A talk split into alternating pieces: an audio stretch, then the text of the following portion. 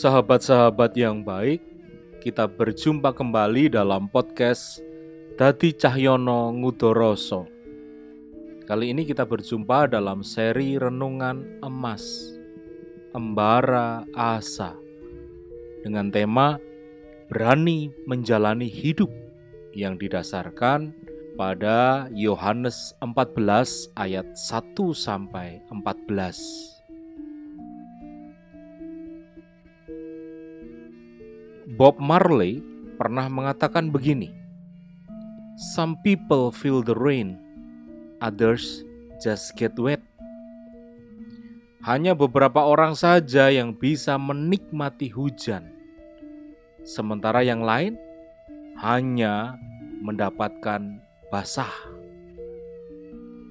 Pertanyaannya, bagaimana caranya agar kita bisa merasakan hujan, menikmati hujan, dan tidak sekedar mendapat basahnya saja. Caranya sederhana. Jika memang situasinya sedang turun hujan, ya dinikmati saja. Tidak usah menyesal berkepanjangan karena mungkin ada agenda kita yang batal, atau mungkin kita yang merasa kebasahan karena kehujanan. Apakah hal itu berisiko? Tentu saja iya. Tetapi, bukankah kita tidak bisa mengubah realitas bahwa memang saat itu sedang turun hujan?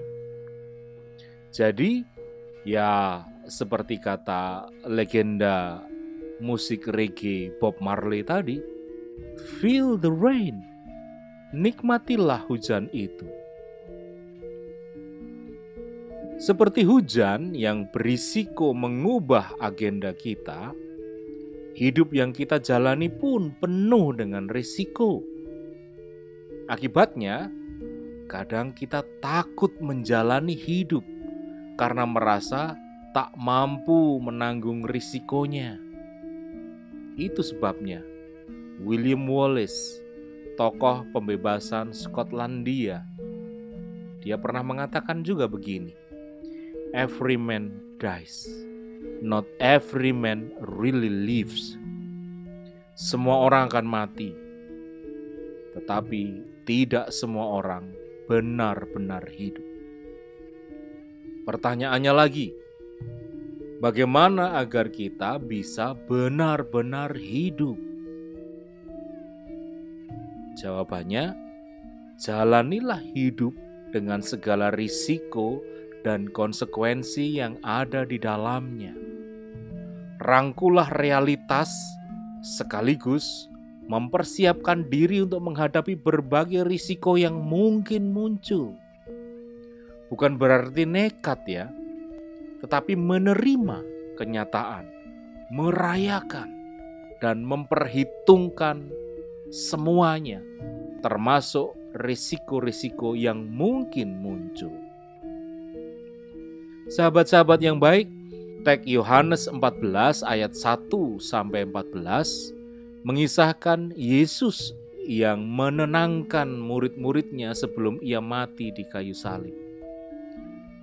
Dalam bacaan itu tampak jelas Yesus berusaha meyakinkan para murid bahwa apa yang akan terjadi berikutnya tidak mengubah relasi yang telah terjalin di antara mereka, antara Yesus dan para murid. Yesus meyakinkan para murid bahwa dirinya dan murid-murid itu akan selalu berada dalam relasi yang dekat. Di tempat di mana Yesus berada, di situ pun para murid berada. Hal ini terdapat di ayat yang ketiga.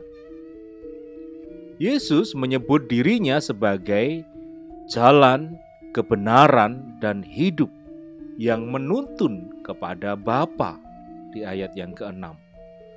Sebagai jalan, berarti Yesus menjadi penghubung antara manusia dan Bapa.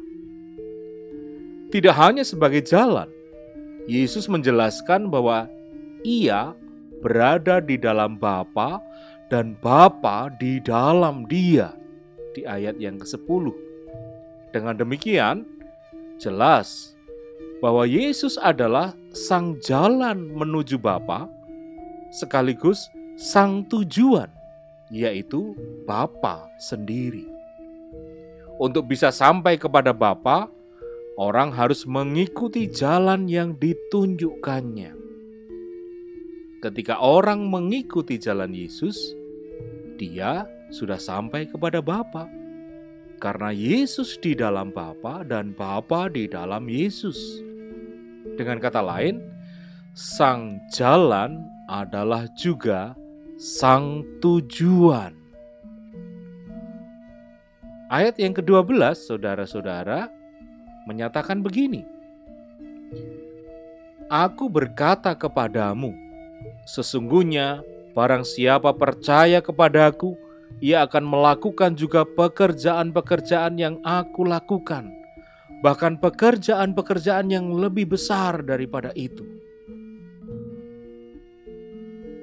Dari ayat ini, kita bisa belajar bahwa mengikuti jalan Yesus berarti melakukan apa yang Yesus lakukan.